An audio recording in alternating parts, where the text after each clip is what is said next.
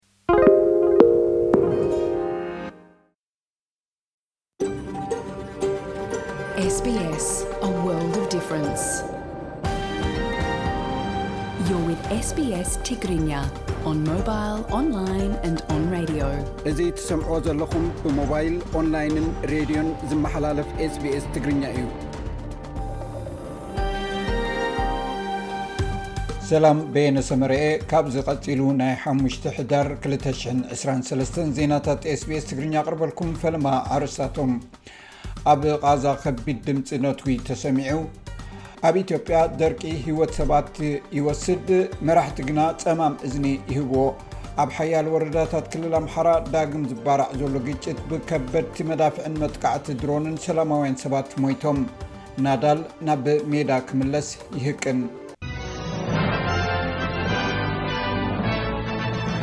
ኣብ ደቡባዊ ሸንኽ ቓዛ ትርከብ ከተማ ካን ዩንስ ትማሊ ለይቲ ብርቱዕ ድምፂ ነተጉትን ማሕታታትን ኣብ ሰማይ ትራእዩ እዚ ዘጋጥም ዘሎ ብዙሓት ዝተጎድኡ ሰባት ናብቲ ካብ መጠን ንላዕሊ መሊኡ ዝርከብ ሆስፒታል ናስር ምስ በጽሑ እዩ። ሰራዊት እስራኤል ንሓማስ ንምድምሳስ መጥቃዕቱ ኣብ ዘስፍሓሉ ዘሎ ተወሳኺ ህዝቢ ካብ ደቡባዊ ቓዛ ክግዕዙ ኣዚዙ ኣሎ። ብሰንኪ'ቲ ውግእ ኣሽሓት ፍልስጤማውያን ሞይቶም፣ ልዕሊ ሰለስተ ርብዒ ናይቶም ክልተ ነጥቢ ሰለስተ ሚልዮን ነበርቲ ቓዛ ኣመዛቢሉ ኣሎ። ኣብ ሰሜን ኢትዮጵያ ደርቂ ህይወት ሰባት የጥፍእ ምህላው ተፈሊጡ። ኣብ ክልል ኣምሓራ ዞባ ሰሜን ጎንደር ዘጋጠመ ደርቂ ስዒቡ ኣርባዕተ ሰባት ምሟቶም ዩኒቨርስቲ ደባርቅ ኣፍሊጡ ክብል ቪኦኤ ፀብፂቡ። እቲ ዩኒቨርስቲ ኣብ ወረዳታት ጃን ኣሞራን የዳ ጠለምትን ንልዕሊ ሓደ ወርሒ ኣካይደዮ ብዝበሎ መጽናዕቲ፣ ምስ ድርቂ ብዝተኣሳሰረ ቅድሚ ሓደ ወርሒ ሰላሳን ክልተን ሰባት ምሟቶም ብናይ'ቲ ከባቢ ሰበስልጣን ከምዝተገልጸ ብምዝኽኻር፣ ብዝሒ መወትቲ ናብ ሰላሳን ሽዱሽተን ደይቡ ኣሎ ክብል ናይ'ቲ ዩኒቨርሲቲ መምህርን መራሒ ጉጅለ ናይ'ቲ መጽናዕትን ፕሮፌሰር ኣምሳሉ ኣበጀ ተዛሪቡ። ኣብ ትግራይ ድሕሪ ዝተፈጥረ ናይ ክልተ ዓመት ከቢድ ኲናት፣ ምምዝባልን ጥሜትን ብተፈጥሮኣዊ ደርቂ፣ ጥሜት፣ ብዙሓት ሰባት ይሞቱ ከምዘለዉ'ውን ጸብጻባት ካብ'ቲ ከባቢ ይወጹ ኣለዉ። ግዝያዊ ምምሕዳር እቲ ክልል ኮነ ውድብ ህወሓት ኣብ ክንዲ ብጥሜት ዝመውት ዘሎ ህዝቡ ንምድሓን ዝሰርሕ ንሰለስተ ሰሙን ማዕፅኡ ዓፅዩ ኣብ ገምጋም ኮፍ ኢሉ ይዘራርብ ኣሎ ክብሉ ተቃወምቲ ውድባት ትግራይ ይኸሱ ኣለዉ። እዚ ተግባር ዘሻቐሎም ተቃወምቲ ውድባት ትግራይ ኣብ ቀረባ እዋን ኣብ ዝሃብዎ ጋዜጣዊ መግለፂ ነቲ ተግባር ኮኒኖሞ እዮም። ዶክተር ደጀን መዝገቡ ኣቦ ወንበር ውድብ ናፅነት ትግራይ ማለት ውናት ኣብ ትግራይ ኩነታት ጥሜት ኣዝዩ ከቢድ እዩ ዘሎ፣ ዓሚቑን ክንቋፃፀሮ ኣብ ዘይንኽእል ደረጃ በፂሑ ኣሎ፣ ብመፅናዕቲ ዝተደገፈ ኣቐዲሙ ዝወሃብ መጠንቀቕታታት እውን ኣይተዋህበን፣ ንህዝቢ ትግራይ ዝርእዮ የለን፣ ህወሓት ኣብ ናይ ገዛእ ርእሱ ናይ ስልጣን ቁርቁስ እዩ ተፀሚዱ ዝርከብ፣ ብዛዕባ ህዝቢ ኣይግድሶን እዩ፣ ንሰለስተ ሰሙን ውድቡ ኣብ ምድሓን ተጸሚዶም እዮም ዘለዉ እምበር ህዝቢ ኣብ ምድሓን ከም ዘይኮኑ ኣቦ ወንበር ውናት ኣብ ዝሃቦ መግለጺ ኣፍሊጡ ነይሩ። መንግስቲ ፈደራል እውን ኣብ ክልላት ትግራይ፣ ኣምሓራ፣ ዓፋር፣ ኦሮሚያ፣ ሶማልያን ደቡብን ብሰንኪ ደርቅን ኲናትን ከምኡውን መንነት መሰረት ዝገበረ መጥቃዕቲ ኣርባዕተ ነጥቢ ሰለስተ ሚልዮን ዝበጽሑ ተመዛበልቲ ዜጋታቱ ኣብ ፈቐዶ መዕቆቢ ቦታታት እኽሊ ዝፅበዩ ከምዘለዉ ፀብፃባት ይሕብሩ።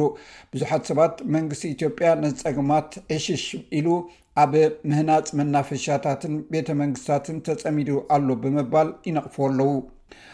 ኣብ ሓያሎ ወረዳታት ክልል ኣምሓራ ዳግም ዝባራዕ ዘሎ ግጭት ብከበድቲ መዳፍዕን መጥቃዕቲ ድሮንን ሰላማውያን ሰባት ሞይቶም። ትሕተ ቅርፂ ድማ ይዓኑ ከምዘሎ ተፈሊጡ። ኣብ ወገል ጤና ብመጥቃዕቲ ድሮን ሓደ ፋርማሲስት ዝርከቦም ሓሙሽተ ሰባት ክሞቱ ከለው እቲ መጥቃዕቲ ሕክምናዊ ረድኤት ፅዒና እትጓዓዝ ዝነበረት ኣምቡላንስ እዩ ተፈፂሙ። ኣብ ላስታ ካልእ ከቢድ ብረት እውን ብዙሓት ስቪል ሰባት ኣጥቂዑ እዩ። እቲ ኣብ መንጎ ፌደራል መንግስትን ጉጅለ ሚልሻ ፋኖን ዝቕፅል ዘሎ ግጭት ንድልድል ኣንጋሳ ብምዕናው መጓዓዝያ ከምዝተሰናኸለን ነቲ ኣብቲ ከባቢ ዘሎ ቁጠባ እውን ከምፀለዎ ተገሊፁ ኣሎ። ናይ ሕቡራት ሃገራት ቤት ፅሕፈት ላዕለዋይ ኮሚሽነር ሰብኣዊ መሰላት ኦቻ ኣብቲ ዞባ ብዛዕባ ዝፍፀም ዘሎ ግህሰት ሰብኣዊ መሰላት ሻቐለቱ ገሊፁ። እቲ ናይ ውድብ ሕቡራት ሃገራት ትካል ከምዝብሎ፣ እቲ ኣብ ኣምሓራ ዝካየድ ዘሎ ግጭት ኣብ ልዕሊ ናይቲ ህዝቢ ከባቢ ከቢድ ሳዕቤን የውርድ ኣሎ፣ በዚ ድማ ኣብ ዝሓለፈ ወርሒ እንተወሓደ ዕስራ ሰላማውያን ሰባት ሞይቶም ኢሉ።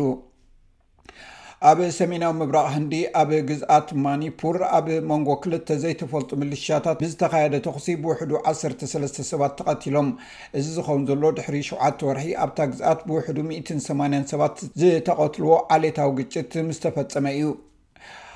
ኣብ ስፖርት ናይ ቀደም ቁፅሪ ሓደ ተፃዋታይ ዓለም ቴንስ ባይታ ራፍኤል ናዳል ድሕሪ ዝገበሮ ናይ መጥባሕቲ ምሕኩልቲ ስዒቡ ናብ ፀወታ ክምለስ ድልው ምዃኑ ከም ዝስምዖ ተመሊሱ ናብ ውድድራት ፀወታ ባይታ ቴንስ እንተተመሊሱ ድማ ንነፍሱ ይቕረ ክብለላ ከም ዝደሊ ገሊፁ እቲ ስጳኛዊ ተፃዋታይ ድሕሪ ዓመት ዳርጋ ክምለስ ከም ዝሓሰበ ኣብ ኢንስታግራም ኣብ ዘርግሖ ሓፂር ቪድዮ እዩ ኣፍሊጡ ባር ሰማዕትና ንሎም ዝበልናዮም ዜናታት ቅንምዛምና ኣረሳቶም ክደግመርኩም ኣብ ቃዛ ከቢድ ድምፂ ነትኩ ተሰሚዑ ኣብ ኢትዮጵያ ደርቂ ሂወት ሰባት ይወስድ መራሕቲ ግና ፀማም እዝኒ ይህዎ ኣብ ሓያል ወረዳታት ክልል ኣምሓራ ዳግም ዝባራዕ ዘሎ ግጭት ብከበቲ መዳፍዕን መጥቃዕትታት ድሮንን ሰላማውያን ሰባት ሞይቶም ናዳል ናብ ሜዳ ክምለስ ይህቅን እዚ ሬድዮ ስፔስ ብቋንቋ ትግርኛ ዝፍኖ መደብ እዩ